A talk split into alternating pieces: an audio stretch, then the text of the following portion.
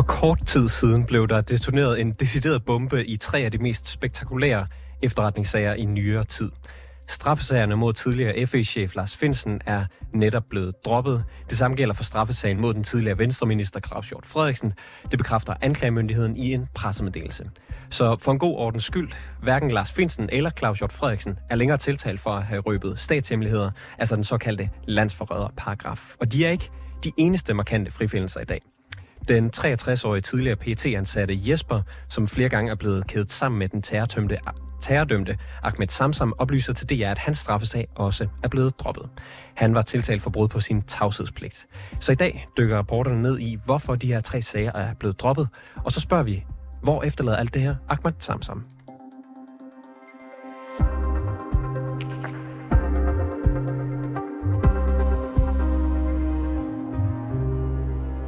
Han John Bonniksen, tidligere operativ chef i PET. Velkommen til.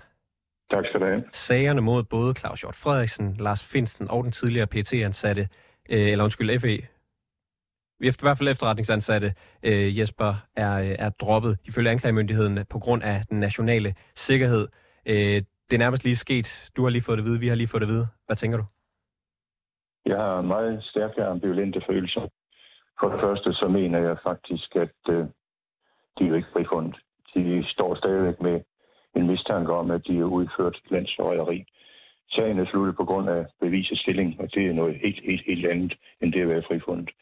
Men samtidig er jeg også glad for, at de pågældende nu slipper for at komme igennem en meget, meget langvarig og belastende proces. De har så sandelig igennem de sidste to år været udsat for ydmygelser i en sådan grad, at de nu fortjent til hvert fald at få fred og ro i forhold til til den mistanke, som er rest omkring, men som det stadigvæk, som det jo stadigvæk hænger i luften. Ja, og det kan vi måske lige komme tilbage til, hvad det betyder, men bare lige så vi får, får det på det rene, Hans Jørgen Bonniksen. Hvem har besluttet det her?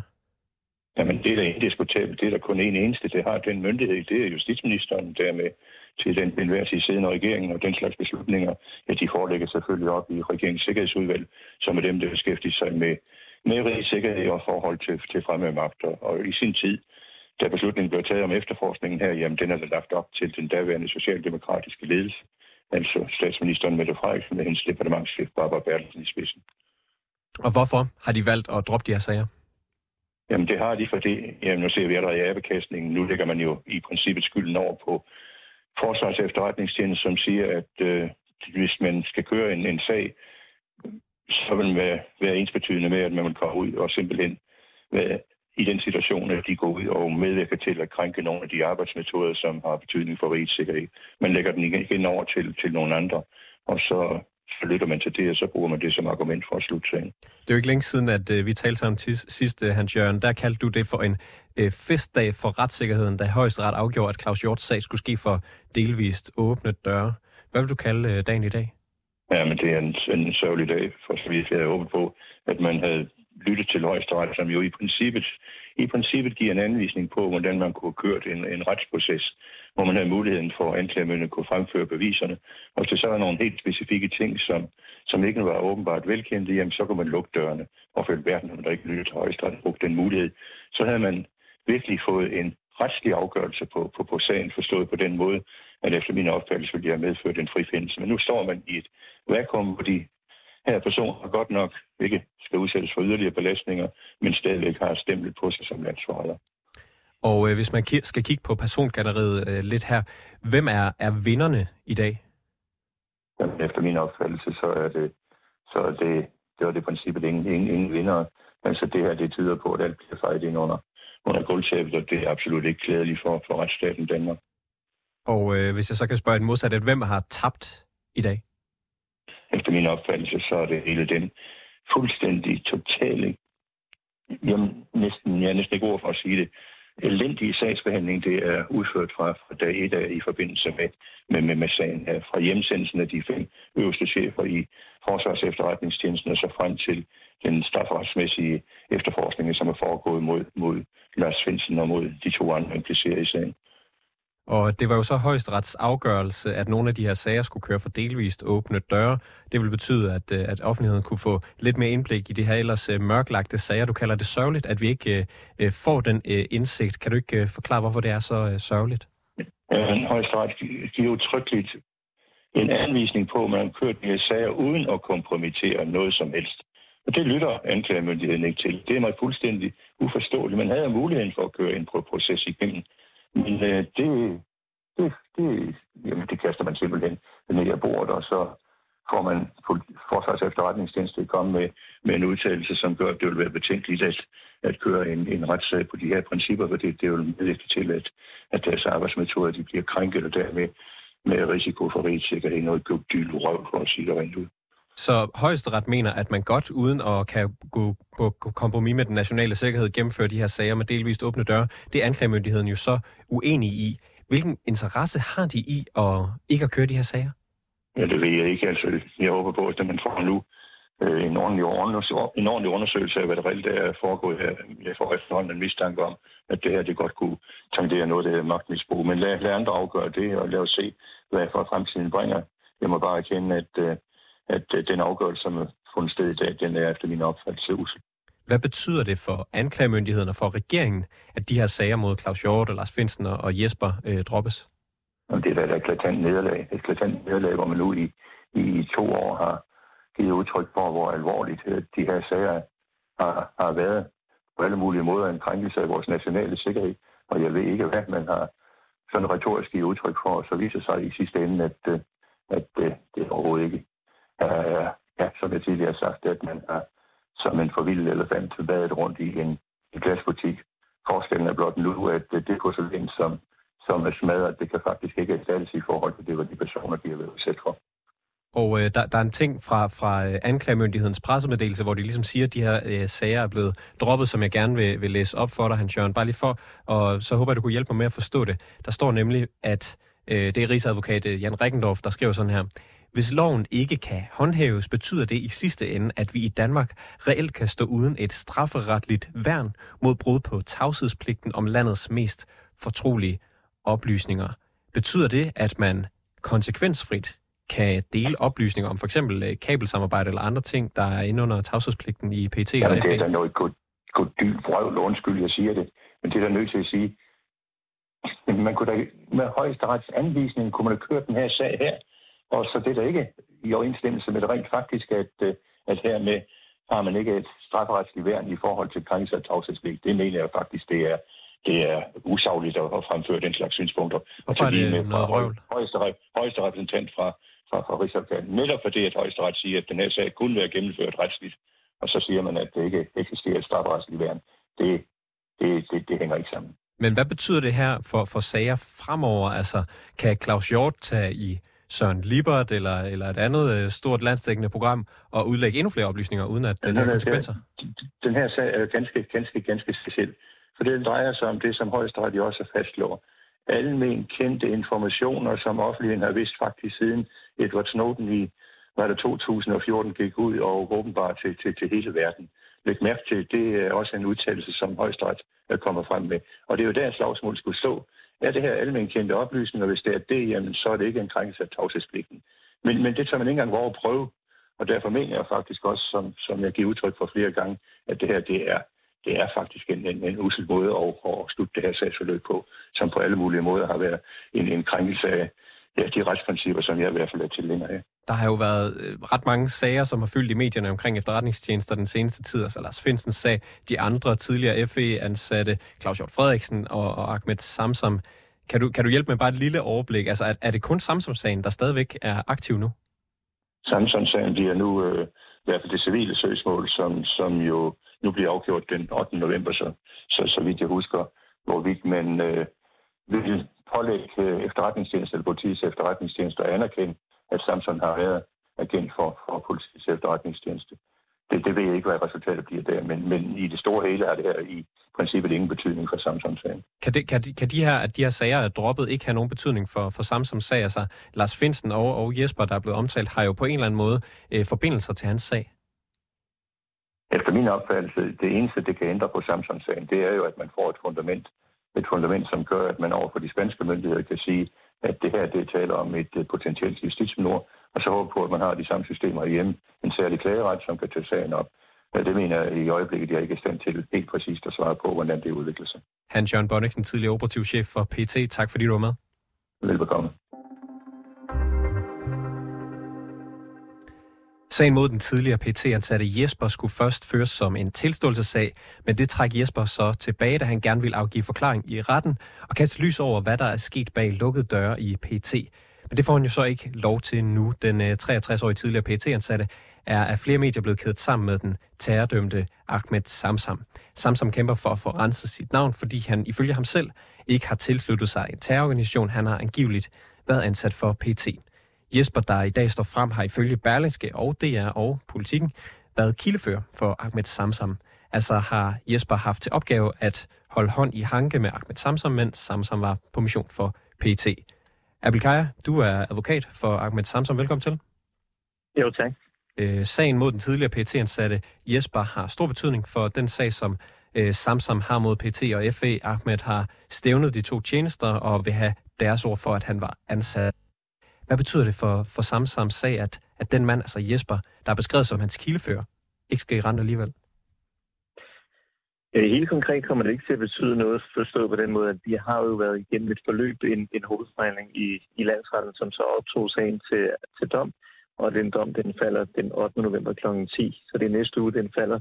Så, så man kan sige, at de oplysninger, der er kommet frem nu, øh, øh, har ikke øh, som sådan ændret noget ved, ved Samsung-sagen. Det kan være, at hvis det sagen ryger i højesteret, fordi vi kommer til anken, øh, hvis vi ikke får medhold, jamen så kunne det måske være, at det, det kunne have en betydning der.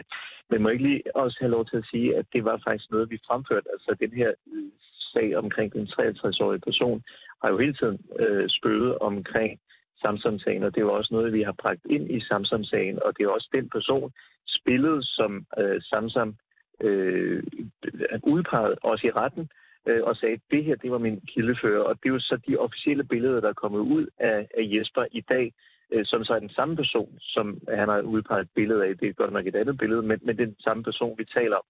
Øh, og man kan sige, at i forhold til hele den her hemmelighed, det her hemmelighedskammeri, der har været omkring Jesper og de andre sager, øh, så er det jo noget, som, som medierne har øh, bragt frem, men der er jo ikke en officiel bekræftelse af, at han rent faktisk var igen. Så, så det er jo noget, man kredser omkring, og, og det, er sådan, det er elefanten i rummet.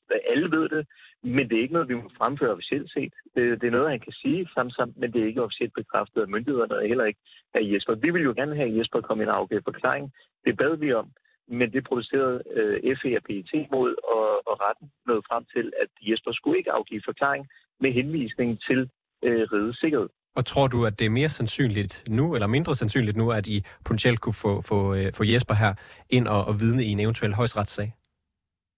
Problemet er, at der er en bestemmelse i retsplejeloven, som siger, at det kræver en myndigheds tilladelse hvis et, øh, en myndighedsperson skal afgive forklaring, og det er klart, at ID og PET, som jo har lukket, øh, at prøve i hvert fald forsøgt at lukke fuldstændig ned omkring det. Nu kan du se, at det hele det eksploderer i hovedet på den, øh, og, og, og det er alt, hvad der var hemmeligt, det, det, det kommer frem i lys lue, og Højstret har jo senest sagt, at kabelsamarbejdet er en realitet.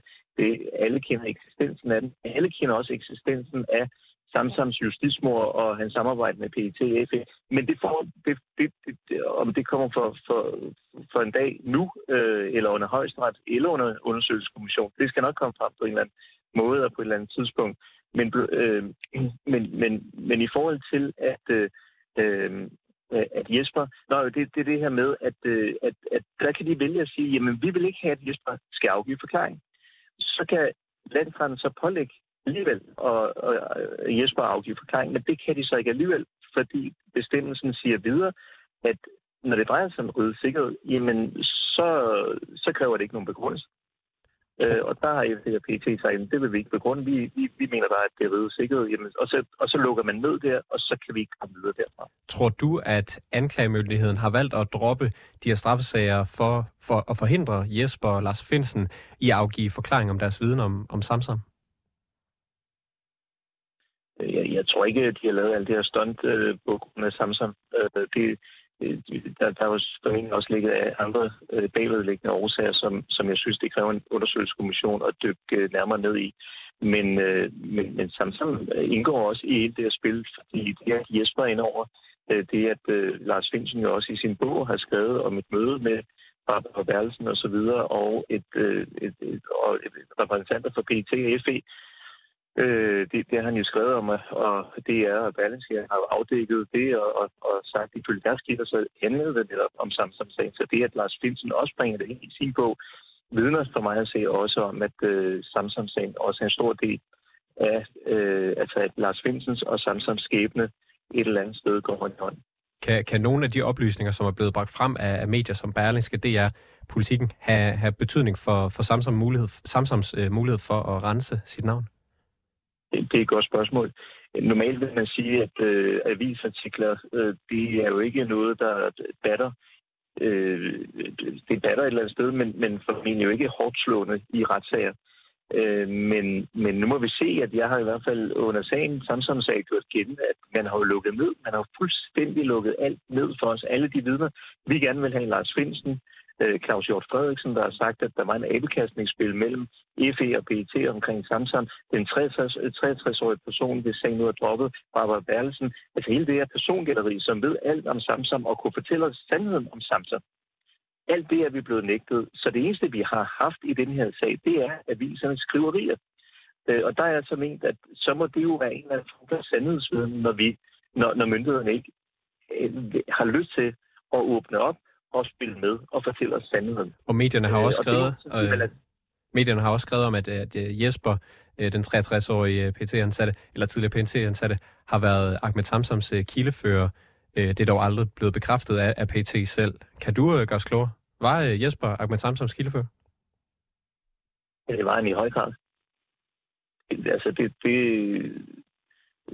altså, det tror jeg ikke, der er nogen, der stiller spørgsmålstegn ved længere. Øhm, og, og, og nu, hvor, hvor sagerne med, med Jesper og Lars Finsen og Claus Hjort, de er blevet droppet, tror du så, at man nogensinde får svar fra PT, om, øh, om Jesper rent faktisk var den øh, kildefører for Samsam? Altså, man kan jo håbe, man kan jo håbe fordi øh, vi, i et retssamfund kan vi jo ikke leve med den enorme mistanke, der er blevet skabt gennem media, gennem øh, den 63-årige øh, sag, Lars Finsen-sagen osv. Øh, altså, vi, vi kan jo ikke leve med den usikkerhed, som er skabt omkring et justismord på en person, og ikke bare en eller anden tilfældig justismord. Det er jo statsorkestreret justismord, som ingen har lyst til at røre ved. Så det er gået hen og blevet en øh, politisk kartoffel, varm kartoffel. Og hvorfor er det blevet det, og hvordan er det blevet det? Det kræver selvfølgelig et svar. Og det svar, det, det bliver nødt til at komme at hvis vi skal gøre op med øh, noget, der er forkert i dansk retshistorie, så bliver vi også nødt til at få nogle svar. Og de svar, de vil komme, komme for ellers siden. Vi har jo ikke den samme regering øh, resten af deres levetid. Der kommer en regering, øh, terningerne bliver kastet en dag, og så er der nogen, der vil sige, det her, det bliver vi nødt til at undersøge. Vi kan ikke have det her som en skamplet på dansk retshistorie. Og øh, Abel Kai, her til sidst vil jeg bare gerne lige høre dig. Altså, sagen mod Claus Hjort Frederiksen er blevet droppet, sagen mod Finsen er blevet droppet, sagen mod den, øh, den 63-årige er blevet øh, droppet. Øh, er det her gode eller dårlige nyheder for, for din og Ahmed Samsams sag? Det er et godt spørgsmål. Altså, man kan sige, det bliver ved med at holde fokus omkring Samsung, og, og det bliver, der, der er selvfølgelig nogle rystelser i systemet, der gør, at øh, der er flere forhåbentlig flere og flere, der vender sig imod øh, den måde, som øh, hele håndteringen af, af hele komplekset, hvor Samsam jo indgår som en naturlig del af alt det her. Altså, de ryster, som måske kunne have været skeptiske tidligere, at de begynder at komme frem og sige, okay, vi har altså en lang række ting, der peger i den retning. og, øh, og vi har også øh, hedderkronet embedsmænd, som siger, at det her det trænger til en undersøgelse. Carsten Dybvad øh, Michael Lund, tidligere departementchef osv., Lars Finsen har sagt, ja, Jacob, øh, Jacob Schatz har sagt, at det her det bør undersøges. En Samsung-kommission bør Abel Kaja, advokat for Ahmed Samson. Tak fordi du var med. Selv tak. Det var alt for reporterne i denne omgang. Tak fordi du lyttede med. Bag udsendelsen i dag var Jeppe Oman Øvi og Alexander Brøndum. Øh, Majlende Oben er redaktør, og mit navn det er August Stenbrun.